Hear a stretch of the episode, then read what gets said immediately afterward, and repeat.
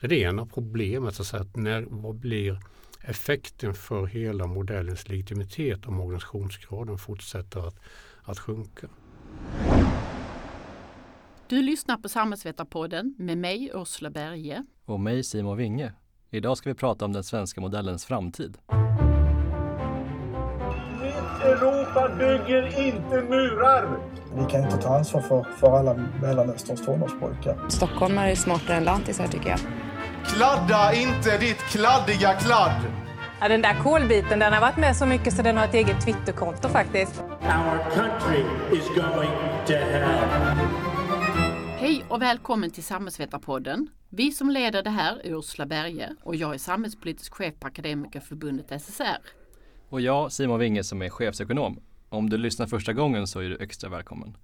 Men idag ska vi prata om ifall vår arbetsmarknadsmodell kommer överleva och hur den ska kunna göra det. Och med oss har vi Anders Färbe som tidigare var ordförande för IF Metall och nu fri utredare som tittat på frågan åt förbundet och bland annat skrivit rapporten En livskraftig modell utmanas. Den här podden är en av flera som gräver djupare i frågor kring partmodellen och vi har bland annat poddat med Handelsanställdas förbunds ordförande Susanna Gideonsson. Och för den som tycker vi slänger oss med begrepp som hamnkonflikten så rekommenderar vi vår podd med forskaren Mats Glavå där vi reder ut den ordentligt. Men nog med reklam. Välkommen Anders! Tack så hemskt mycket! Och bakgrunden till att vi bad dig att kolla närmare på hur det ser ut för den svenska modellen är ju att eh, vi upplever att den är hotad. Det vill säga vår modell som bygger på starka parter som kommer överens om villkoren snarare än lagstiftning. Eh, och nu har du utrett det här åt oss. Mm. Hur mår modellen? Ja, alltså modellen mår eh, hyggligt bra, får man väl säga, på ett sätt. På ett annat sätt va, så är den satt under en sådan press, eller riskerar att vara satt under sådan press att eh, den faktiskt kan eh, få rejäla problem att överleva. För det är ju som så att varje enskilt hot är inte det som är problemet utan det är att det finns samfällt ett tryck gentemot grundstråten i modellen. Vilket gör att jag tror att man måste se väldigt eh, allvarligt och väldigt, väldigt seriöst på de olika hoten och deras samverkande kraft mot hela den svenska arbetsmarknadsmodellen. Skulle du kunna eh, beskriva lite i detalj vad de här hoten består av? Ja, alltså det är flera saker. Det, kanske, det man måste komma ihåg det är ju så att säga att det hela den svenska arbetsmarknadsmodellen den vilar på en stark organisationsgrad bland arbetare och alltså löntagare och eh, arbetsgivare. Eh, det är liksom grundfundamentet för, för hela den svenska arbetsmarknadsmodellen. Det gör att då kan parterna reglera löner och villkor och, och liknande. Och I den frågan så ser vi hur organisationsgraden successivt har minskat sedan eh, början på 90-talet. Eh, främst för privatanställda arbetare och främst inom eh, servicesektorn. Eh, men också bland andra löntagare minskar organisationsgraden.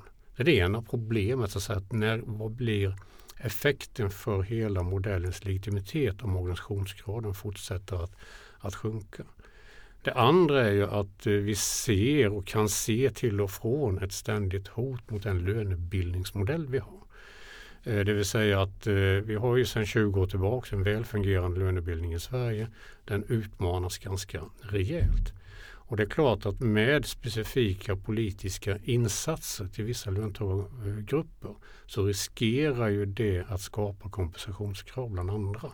Vilket i sin tur leder till, eller kan leda till att modellen faktiskt får problem och, och klara sig på sikt. Och det tredje är egentligen hela det omvärldstryck vi har. Vi har stora förändringar runt om i vår omvärld. Vi har eh, hela diskussionen om frihandel. Vi har en global europeisk trend om eh, statliga minimilöner och, och så vidare. Och de här tre huvuddelarna, när de då samverkar i tryck mot modellen som gör att det då krävs att man står upp och försvarar den rejält. Du nämnde som den första faktorn det här med organisationsgraden inom facken. Skulle du anse att det finns en insikt i den här problembilden i fackföreningsrörelsen generellt och kanske också en väg på hur man ska lösa det? Ja, alltså det där är en väldigt bra fråga. Va? För, för det, den, den, ja, alltså det gör det till och från en insikt. Va? Samtidigt är självbilden väldigt ofta så stark att eh, ja, vi har starka fackliga organisationer i Sverige. Vilket gör att även om man i ena änden säger att ja, vi måste jobba än mer med organisationsgraden så är, blir det motverkande i att man ser sig själv som kanske större och starkare än vad man är. Eh, så att det som är fördelen eller det som har hänt de senaste åren det är ju att allt fler fackförbund faktiskt nu arbetar väldigt, väldigt aktivt med att organisera medlemmar, organisera nyanställda, organisera ungdomar och gör ett jättejobb alltså i, i många, många förbund. Eh, men jag menar nog trots det att eh, det här är en sån enorm utmaning mot modellen att det krävs att man också lierar sig över förbundsgränser, över löntagargrupper för att faktiskt konstatera att det viktigaste är inte vilket fack man är med i, det viktigaste är att man organiserar det överhuvudtaget. Men tolkar jag dig rätt att det är organisationsgraden, det fackliga medlemsantalet som är det största problemet om du fick välja en? Om man får välja en så är det otvivelaktigt den organisationsgraden. För det är också den frågan som eh, fackföreningsrörelsen själva behärskar. Där är vi primäraktör. Där kan vi göra någonting. När det gäller lönebildningen då är det samverkan med arbetsgivare på olika sätt och när det gäller omvärldsfaktorer då är vi, då är vi mer än blir påverkade av det. Men organisationsgraden den är vår kärnfråga inom den fackliga rörelsen. Oaktat om man är arbetare, tjänsteman eller akademiker. Mm. Och du nämnde arbetsgivarna och det är ju med dem vi tecknar kollektivavtal och den svenska partsmodellen mm. består ju av dem också. Eh, tar arbetsgivarna sitt ansvar och kan vi förvänta oss att de ska göra det? Ja, alltså man ska komma ihåg att arbetsgivarna är välorganiserade. De har en högre organisationsgrad än löntagarna på arbetsgivarsidan. Eh, jag tror att för arbetsgivarorganisationerna så ser man nog den svenska modellen som en eh, den fungerar ganska vettigt. Va? Så det finns få andra alternativ för arbetsgivarna. Så på det sättet kan man säga att arbetsgivarna nog i grunden eh, känner att modellen har bärkraft. Å andra sidan så är det klart att en arbetsgivarorganisation består av ett antal medlemsföretag eller organisationer eller myndigheter eller vad det nu kan vara för något beroende på vilken sektor det är. Och var och en av de enskilda aktörerna agerar ju inte alltid för att eh, försvara kollektivavtalen. Utan vi ser ju ut, eh, när kollektivavtalen utmanas inom olika sektorer av enskilda arbetsgivare. Eh, vi ser hur man nu framförallt i tiden av hög sysselsättning och hög efterfrågan eh, börjar jobba med andra premieringssystem, belöningssystem för de anställda som faktiskt går vid sidan av kollektivavtalet. Och, den delen den riskerar också bli ett problem, ett bekymmer för, för, för, för, för modellen och modellens överlevnad. Så att frågan om arbetsgivarna tar ansvar eller inte, ja både ja och nej. Eh, de centrala arbetsgivarorganisationerna upplever jag ändå på något sätt försvarar modellen. De offentliga arbetsgivarna som, som har en väldigt, alltså det är 100 organisationsgrad eh, på, på SKL eh, försvarar modellen väldigt väl. Va? Men det, frågan om det sipprar ner till de enskilda företagen, de enskilda organisationerna. Just det. Du pratar också om de internationella förändringarna. Och om man ska vara krass så byggde vi upp den här modellen i en ganska skyddad verkstad jämfört med idag. Det var liksom fasta växelkurser, mindre rörligt kapital och EU var inte alls med i bilden. Mm. Nu ser det inte ut så. Men kan vi fortfarande ha den här modellen? Kan humlan flyga? I en internationell värld så att säga? Ja, alltså vi har ju haft, eh, alltså man säger från avregleringens tider på slutet på 80-talet så har ju den svenska arbetsmarknadsmodellen ändå klarat sig rimligt väl. Va? Tack vare att parterna har tagit ett rejält ansvar. Inte minst att säga eh, att försvara självständigheten gentemot politisk klåfingrighet. Men det som sker nu och det som sker framförallt i, i, i Europa det är ju en utveckling där man ser behovet utav ett mer socialt fungerande Europa. Det finns ju en kritik mot EU och EUs konstruktion men också mot att det har ökat fattigdomen. Och då är det klart att det politiska svaret på Europanivå det blir att politiken tar större ansvar för löner och lönesättningar. Och det har vi sett i Tyskland som har varit väldigt likt Sverige med en fri arbetsmarknadsmodell. Och för några år sedan så införde man lagstadgade minimilöner. Och det trycket blir ju allt mer mot den nordiska modellen. Där det egentligen bara är Sverige och, och Danmark idag som står helt fria från politisk influenser på modellen. Så att, Eh, och det, det, gör liksom att jag tror fortfarande inte att de objektiva förutsättningarna runt den öppna världen gör att modellen behöver kapsejsa. Men den kräver än mer vårdnad. Och den kräver än större ansvarstagande från alla parter. Jag tänkte det här med politiken som spelar roll. Alltså från EU kommer det här med allmängiltig förklaring och mm. lagstadgade minimilöner. Men även här i Sverige om man tittar på vad en del förslag eh, kommer från olika politiska partier så pratar man om lagstadgade maximilöner mm. som faktiskt är det som finns i, i förslag om inträdesjobb. Och det finns mm. också andra delar. Jag hörde för så sent som i söndags att man pratar om att polisen borde förmärka lönepåslag. Mm. Det, det, det, finns ju också en, ett inre tryck i de ja. frågorna. Alltså det, det, det, är helt rätt. För, alltså, den är, bilden är nästan ännu mer komplex. Va? Därför att eh, jag hör ju också fackföreningar i eh, sektorer med låg organisationsgrad som säger att ja, vad är vårt alternativ annat än en lagstadgad minimilön? Om vi tar till exempel inom, inom kanske delar av transportsektorn som har väldigt låg eh, organisationsgrad. Taxisektorn som kanske har en organisationsgrad på 10 procent.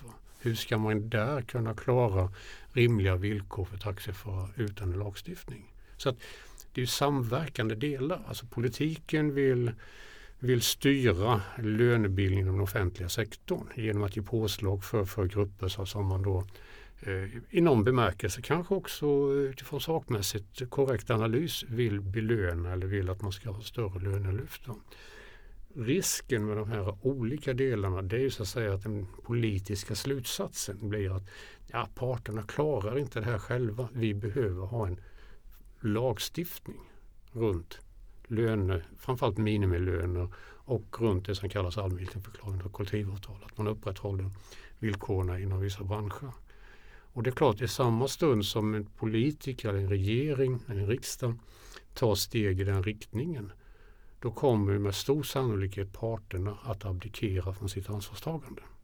Och då ser vi nog en betydande risk att eh, de, både parterna på arbetsgivarsidan och på facklig sida blir, eh, förändras i sitt samhällsbyggaransvar. Och då blir det mera väldigt tydliga intresseorganisationer som vi har sett i resten av Europa med svag organisationsgrad och väldigt militant framtoning. Mm. Det tror jag är en farlig utveckling för ett litet land i norr som behöver och som kan bara kan överleva i en stentuff värld genom att människor håller samman och där parter på arbetsmarknaden håller samman. Mm.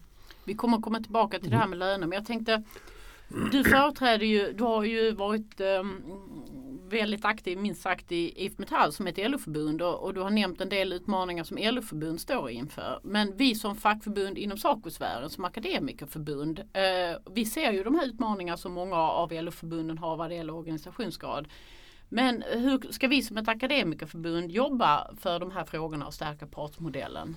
Om, om du Ja, ja, ja i, i, i, min, i min värld va, så har eh, de som är bäst organiserade och eh, starkaste fackliga organisationerna mest att vinna på att också de som har det besvärligast får det lite bättre. Det vill säga att om, eh, om vi får en, eh, en organisationsgrad inom sektorer som går ner på 20-30 procent som vi har idag inom vissa sektorer på arbetarsidan så är det klart att det på sikt påverkar också akademiker och eh, på tjänstemannasidan. För jag tror inte att den svenska arbetsmarknadsmodellen kan överleva om eh, en grupp löntagare hamnar utanför den. Alltså det går inte att bygga en svensk arbetsmarknadsmodell med akademikerförbund. Det är en omöjlighet utan det, bara, det måste liksom ta hela löntagarkollektivet. Så att eh, ja, SSR vinner mycket på att eh, också hjälpa de LO-förbund som har problem att organisera sig för sin egen överlevnad. Men om du är konkret där, vad skulle hända om vi tappar ett gäng LO-förbund men vi har kvar starka tjänstemanna och akademikerfack? Vad, vad skulle det innebära för arbetsmarknaden? Ja, det, innebär sannolikt att under en övergångsperiod va, så, så kommer nog eh, det att överleva på, på tjänstemannasidan av form av partsmodell.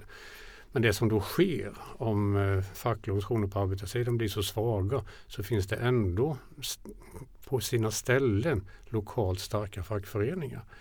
Och de kommer då att kliva fram och de kommer att ta för sig utav ett lokalt lönebildningsområde. Vi får en haverering i, i lönebildningen. Eh, jag menar, som eh, offentliganställda arbetsgivare, de har ju allt att vinna på att det finns en, någon form av normering, att man inte konkurrerar med varandra allt för brutalt. Va? Men har du en eh, söndertrasande facklig organisering på delar av arbetarsidan så får du en annan utveckling vilket gör att ni kommer i slutändan inte ha någon motpart som, som är beredd att diskutera framtidens arbetsmarknad med er. Därför att man väljer sannolikt då att även på offentlig sidan att gå mer och mer mot en decentraliserad lösning. Du flyttar ner allting ut i, i kommuner, i landsting, i företag och liknande. För det enda sättet att upprätthålla någon form av eh, löntag, alltså upprätthålla löntagarna och sin verksamhet, det är att man bara organiserar arbetet runt det lokala. Vilket gör att några kommer vinna på det men väldigt många kommer förlora väldigt mycket på det. Men vi frågade tidigare här om du tyckte insikter fanns i fackföreningsrörelsen generellt. Men det här du beskriver är att en insikt borde finnas bland de fackförbund som fortfarande mår ganska bra om ja. att se andra fackförbunds utmaningar. Hur mm. ser den insikten ut? Ja, alltså där tycker jag nog ibland, eh, med förlov sagt, att det finns lite för stark förbundsegoism. Vi har det ganska bra i vårt förbund. Vi växer och vi är starka och vi har bra med pengar och, och hej och hå. Eh, vi behöver inte bry oss om de som har, har bekymmer. Eh, och då menar jag, då ser man inte helheten. Alltså att det hjälper inte om, om en del akademikerförbund, en del tjänstemannaförbund fortsätter att vara starka om det havererar inom andra branscher. Därför det får konsekvenser även för de som idag är starka.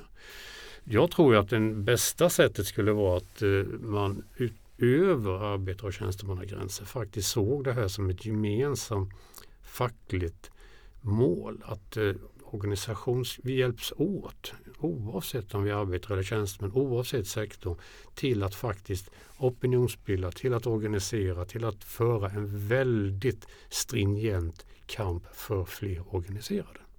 Då vinner även den starkaste på en sån sam, samförstånd eller sånt samarbete. Eh, och motsatsen är naturligtvis att man eh, slår varandra i huvudet och organiserar och stjäler medlemmar från varandra.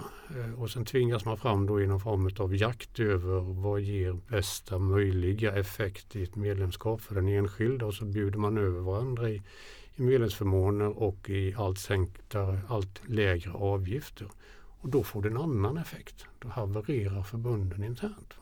Så att sammantaget, mm, samverka, se det som en gemensam bild. Det är klart att de tre federationerna och dess förbund borde kunna enas kring en ordentlig arbete. Inte minst opinionsbildningsmässigt. Inte minst att få ut eh, kunskap om arbetsmarknaden och om arbetsmarknadens parter i skolan, i, eh, i det moderna arbetslivet som har så förändrats så kapitalt jämfört med när modellen bildades. Och där är man kanske inte riktigt än? Nej, ja, men jag är, ju en, jag är ju en enorm optimist. Va? Och jag tror ju att ju mer man pratar om detta ju fler kommer att se ungefär samma sak. Va? Det vill säga att ja, det, är det, här, det är så här vi ska göra, det är samverkan som vi ska stärka modellen. Sen kan vi Sen kan vi få debatter sinsemellan om eh, vem som ska liksom, eh, ja, vilka villkor och så vidare som ska gälla. Det är bara bra. Va? Men vi ser ett gemensamt fackligt mål oaktat var vi befinner oss på arbetsmarknaden någonstans. Det tror jag är väldigt centralt. Vi som förbund har försökt lyfta den här frågan bland annat med att du eh, fick uppdraget att skriva din eh, intressanta utredning. Men vi hade också ett seminarium i förra veckan på vår kongress. Den heter Ska vi till Paris? Där de har en organisationsgrad på 8 mm.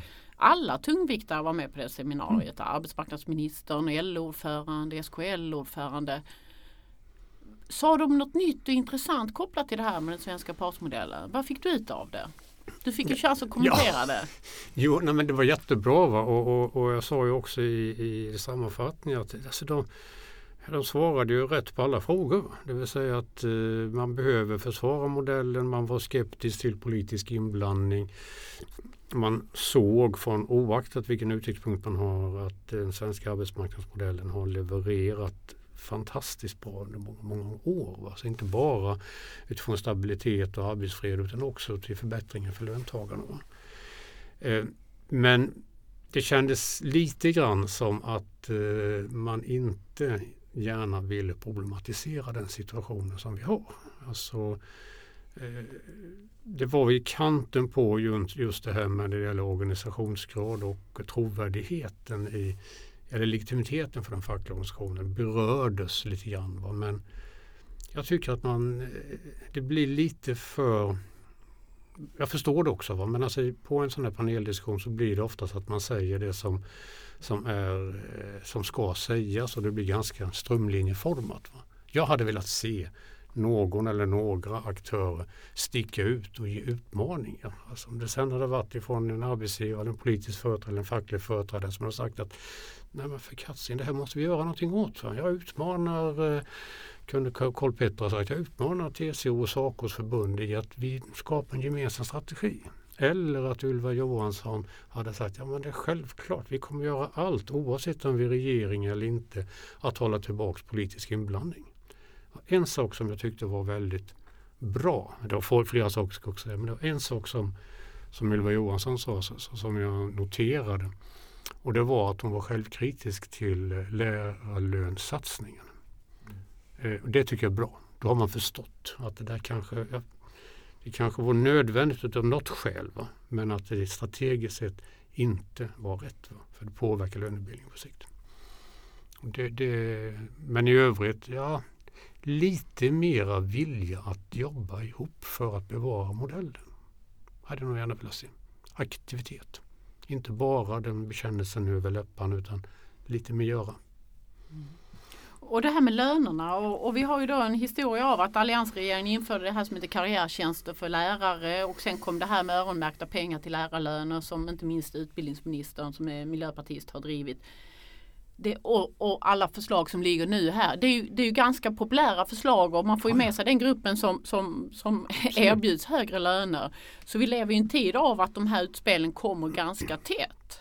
Absolut. Och, och, och, det som då politiken kan göra det är ju att rikta löneökningar till vissa offentliganställda grupper. Eh, lärarna, det kan vara poliser, det kan vara andra. Det som man måste ta klart för sig är att det, det är inga bekymmer egentligen att vissa grupper får betydligt större lönepåslag än andra om det finns en en gemensam bild i samhället att det inte leder till kompensationskrav. Men det är klart att om, om det nu blir en riktad satsning på exempelvis poliser. Eh, hur länge kommer socionomen att säga att ja, nej, men vi nöjer oss med, med lägre lönepåslag för polisen behöver. Eller vilka det nu kan vara. Vi inte ta liksom, men alltså se, du ställer grupper mot varandra. Och så kommer naturligtvis en del att säga att jaha, de fick, då ska vi ha. Eh, och då är du inne på ett sluttande plan. Därför att det liksom för politiken kommer att bara kunna begrä, alltså med begränsade resurser, begränsade samhällsekonomiska resurser lägga ut vissa påslag till, till vissa specifika grupper. Jag menar istället att det man behöver göra politiskt i den offentliga sidan det är en tydlig genomgång utav de befintliga lönesystem som finns och premieringslönesystem som finns. Man lider ju fortfarande ganska mycket utav väldig tröghet i lönestrukturer. Man gör jämförelser mellan privata näringslivet och det offentliga. Det privata då har du oftast en, någon form av löneutveckling utifrån, utifrån vad du lär dig mer och hur länge du har jobbat med olika saker och så vidare. På offentligsidan har du inte riktigt den löneutveckling. Du har väldigt sällan fungerande lönesystem som premierar mångkunnighet och liknande. Där tror jag man skulle jobba med systemen. Det är där som man kan faktiskt få också en löneutveckling som den enskilde ser att okej, okay, om jag jobbar med det här under fem år, då har jag nog den här möjligheten till, till karriärutveckling och till löneutveckling. Det tror jag vore betydligt mer framgångsrikt. Det blir en liten utvikning här men, men just lärarna och poliserna är ju anställda i politiskt styrda organisationer, det vill säga kommuner och stat. Mm. Eh, att politikerna går fram med att man ska driva det här politiskt och inte att, man ska vara, att politikerna ska vara bra arbetsgivare. Är det inte att underkänna sig själv som en, en progressiv arbetsgivare? Jo, det, är precis, det är precis det jag menar. Man ska jobba med andra, andra verktyg. Alltså en arbetsgivare som tror att man kan locka människor genom eh, speciella lönesatsningar. Det, det är inte, jag ser inte det som seriöst utan du måste locka med arbetsinnehåll, arbetsorganisering, arbetsmiljöfrågor, arbetstider. Du måste jobba med hela fältet. Va? Att se faktiskt att det här är villkoren. Lönen är en del. Klart att människor ska ha en möjlighet till en lönekarriär. Men de ska också ha en möjlighet till en arbetsutvecklingskarriär. Och då tror jag att liksom de politiskt styrda, som du säger, både, både kommun, landsting och stat och så vidare. Eh, man genar lite för mycket i det här. Va? Ja, nu tar vi pengarna. Därför det kan vi budgetera.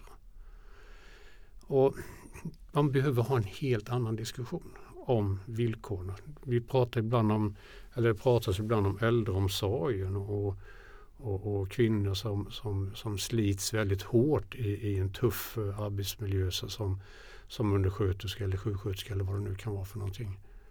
Det är också ett underkännande av politiken eller politikerna som arbetsgivare. För det är någonstans i min värld där man skulle ha drömarbetsplatserna så är det de politiskt styrda verksamheterna. Där skulle vi kunna säga när det privata näringslivet, ja titta på kommunerna. De gör faktiskt bra saker. Vi kan lära oss av kommunen. Idag är det precis tvärtom. Kommunerna tittar på vad som händer inom privata näringslivet. Och det, det är inte alltid fel, va? men det blir också väldigt konstigt. Därför att det privata näringslivet styrs utifrån andra mekanismer än, än eh, eh värde, alltså värdet på tjänsten eller på, på varan. Den styrs av ren marknadsekonomisk sida. Så det där är en, eh, där finns mycket att göra. Vi tangerar också lite diskussion om märket och industriavtalet här. Och jag tycker ofta man hör att det, det som spräcker lönebildningskarteller är relativlöneförskjutningar så, som du nämner mm. här. Eh, och, och, det är det vi ser nu också. Tror att vi kan hantera relativlöneförskjutningar inom vårt nuvarande system? Ja, det tror jag. Jag tror att det, alltså det, det är liksom egentligen det handlar om vad vi är beredda att gå fram med va, tillsammans. Va. För det, det, är klart att om vi nu tänker nu att vi har en könsmässig eh, könsmässiga löneskillnader som är orimliga. Va? Så visst är det möjligt att inom ramen för en lönenormering göra extra satsningar på kvinnor. Självklart. Vi gjorde det i förra avtalsrörelsen från, eh, inom på LO-sidan. Det går. Det, det, är möjligt. Va? Det är ingenting som arbetsgivarna generellt eh, klappar händerna över. Va? Men alltså, låt oss då ta fighten på de frågorna. Va? Eh, och, och göra. Men det andra är, alltså det, det, är liksom, vi ska inte heller göra det för lätt för oss när det gäller könsmässiga löneskillnader. Alltså vi måste ha strukturer ute på arbetsplatserna med lönesystem, med arbetsorganisation, med kompetensutveckling som gör att kvinnorna faktiskt får möjlighet att också göra sin karriär. För det där är ett större problem än den direkta lönesidan. Kvinnor blir kvar i i de mer enklare jobben. Därför att strukturerna gynnar män på arbetsmarknaden. Och det tycker jag är ett större problem som vi behöver prata om. Men svar på frågan, ja det går att göra någonting. Det, det gör det. Vi bestämmer själva vad vi vill göra av modellen. Just det. Ska jag ta tillbaka det här till eh, politiken igen? Mm. För jag och Ursula noterade eh, häromveckan att nu är alla borgerliga partier emot turordningsreglerna i LAS. Och det är lite lite nytt för Moderaterna var, sa ju länge att de inte skulle röra dem. Mm. Delar du vår analys och, och, vad innebär det här? Har de nu mandat att riva upp det om de bildar regering i höst?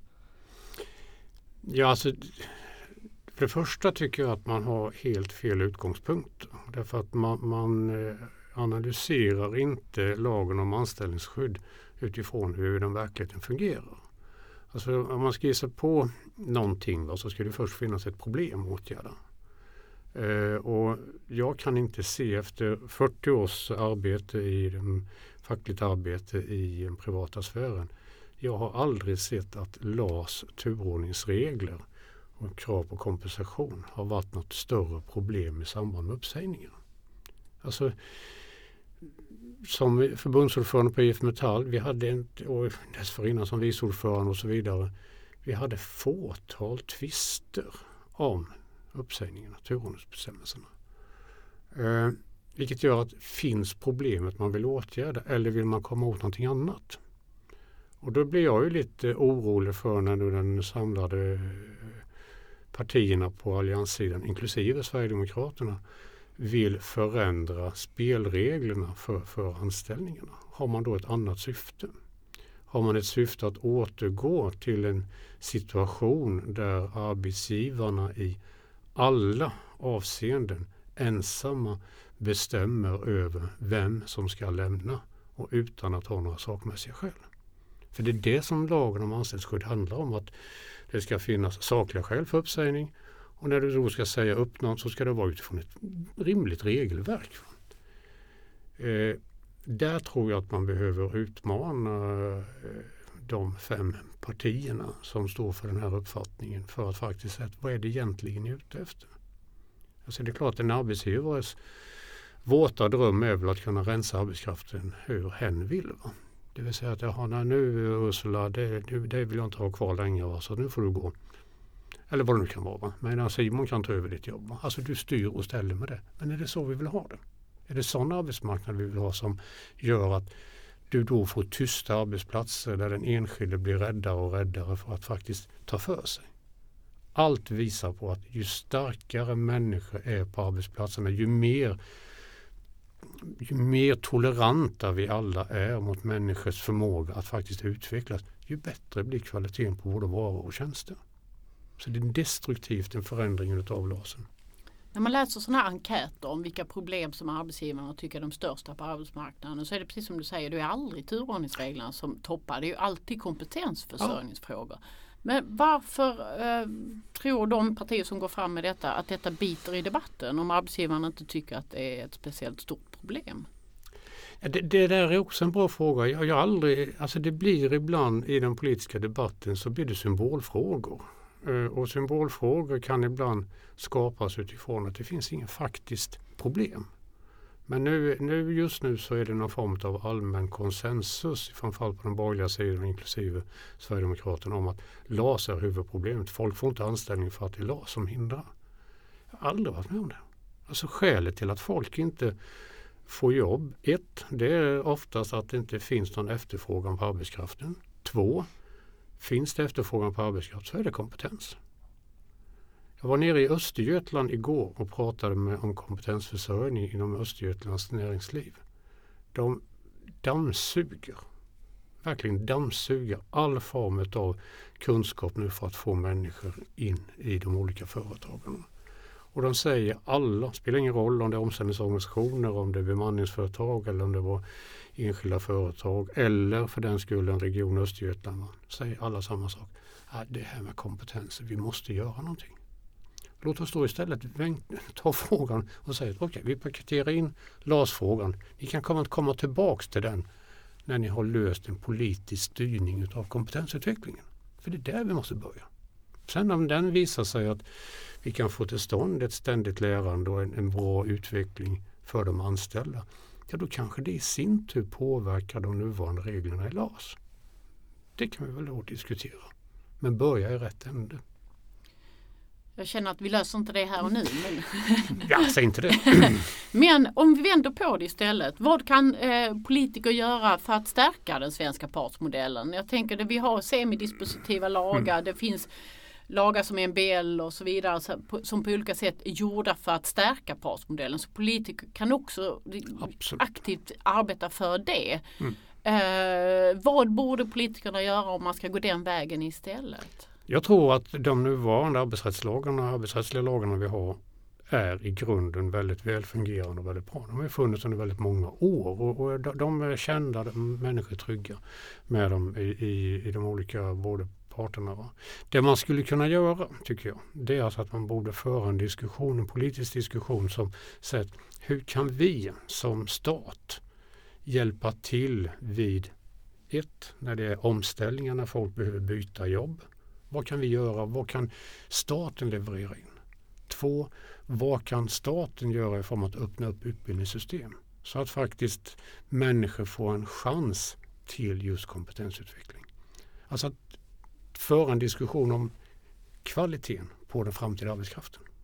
Det är där jag tror man, man och det skulle vara att ta, som jag ser det, så skulle det vara att ta hela arbetsrättsreformen från 70-talet på en högre nivå. Alltså vi pratar om arbetslivets framtid. Morgondagens krav på anställda. Låt oss då som eh, politiker över blockgränserna gärna enas om att ja, men här har eh, Sverige en enorm utveckling. Ska vi kunna klara den framtida konkurrensen och konkurrera allt högre upp i den så kallade värdekedjan då krävs det med kompetens. För vi vill inte konkurrera med lägre löner. Vi vill inte konkurrera med, med eh, arbetskraften och företag som finns i Kina eller i, i delar av eh, Sydostasien. Utan vi vill faktiskt konkurrera med bra kvalitet i vad vi gör oavsett om det är varor eller tjänster. Låt oss då satsa på hur människor kan utvecklas.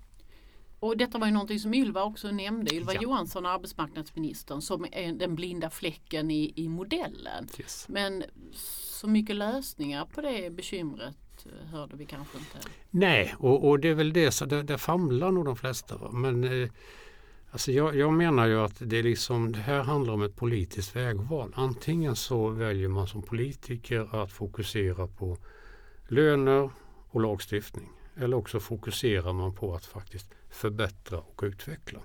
Och då får man faktiskt, man kan inte man får välja vad är viktigast i dagsläget. Va? Och den blinda fläcken när det gäller kompetens och kunskapsutveckling för människor den måste åtgärdas. Därför att det, vi ser ju dessvärre inom alla sektorer att personalutbildningen blir mindre och mindre. Kompetensen dräneras.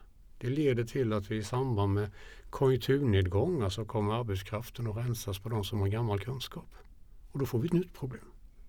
För det går alltid an att som politiker att, att lova mycket när det snurrar bra i hjulen. Men det kommer alltid lågkonjunktur. Det kommer alltid sämre tider. Hur rustar vi oss idag för att vara starka imorgon? Det är, det är den diskussionen bör ha. Men kan vi göra det själva? Vi har något som heter omställningsorganisationer där parterna eh, avsätter en del av lönesumman för eh, att man ska få kompetensutveckling mellan jobb. Kan, det, kan, vi, kan parterna själva ta ett initiativ här som sen kanske finns eh, ett stöd från politiken i Ja. ett andra led? Jag tycker Danmark har gjort en väldigt bra sak. Danmark har blivit överens och det är, företrädesvis är det ju fortfarande bara inom det privata näringslivet. Men där har man, skapar man en kompetensutvecklingsfond där arbetsgivarna, löntagarna avsätter en del av löneutrymmet och staten levererar in pengar. Så får du så att säga en möjlighet för den enskilde att faktiskt ta ett steg vidare i sin yrkeskarriär. Det kanske är en truckförare som gärna vill bli, bli svetsare. Det kanske är ett vårdbiträde eller en undersköterska som vill bli sjuksköterska. Alltså, du ger möjligt incitament. Det går. Men vi kommer tyvärr både som parter och inkluderande staten, vi kommer inte över den här första problembilden. Och jag skulle gärna vilja se att man, man var lite mer offensiv och att man försökte hitta några konkreta förslag att köra inför avtalsrörelsen 2020. Nu gör vi det här som parter emellan. Nu ställer vi kravet. Först löser vi hur vi ska ha det mellan oss i avsättningar. Med det som bas så ställer vi kravet på politiken att leverera in. Där tror jag man ska. Mm. Och du avslutar din rapport med att skriva att alla kan göra någonting. Mm. Och så sa du tidigare att du också är optimist. Men då undrar jag, hur kan man bibehålla sin optimism i dessa tider? Alternativet är värre. Det är det korta svaret. Det, det något längre svaret är att alltså, allt är möjligt. Vi, Mm. bär, vi bär det själva. Vi är ett demokratiskt samhälle. Det bygger på att människor själva också engagerar sig, tar ansvar och försöker hjälpa till. Och ju fler som gör det, fler ögon ser mer. Då blir vi också starkare. Så att, eh, och det är väl det som jag ser avslutningsvis när det gäller rapporten. Att kan den bidra till att några fler diskuterar hur man kan bidra, fine. Då är jag jättenöjd. Och eh, ni som vill läsa rapporten hittar den på vår hemsida akademissr.se under fliken opinion. Mm. Och tack för ett jättebra samtal Anders. Tack själva. Tack så mycket. Det var allt från Samhällsvetarpodden den här veckan. Du hör oss igen om två veckor. Samhällsvetarpodden görs varannan vecka och fångar upp stora samhällspolitiska frågor. Prenumerera gärna på oss på de ställen där du brukar hitta dina podcasts. Och glöm inte att betygsätta och kommentera. Samhällsvetarpodden görs av Akademikerförbundet SSR, Sveriges ledande samhällsvetarförbund.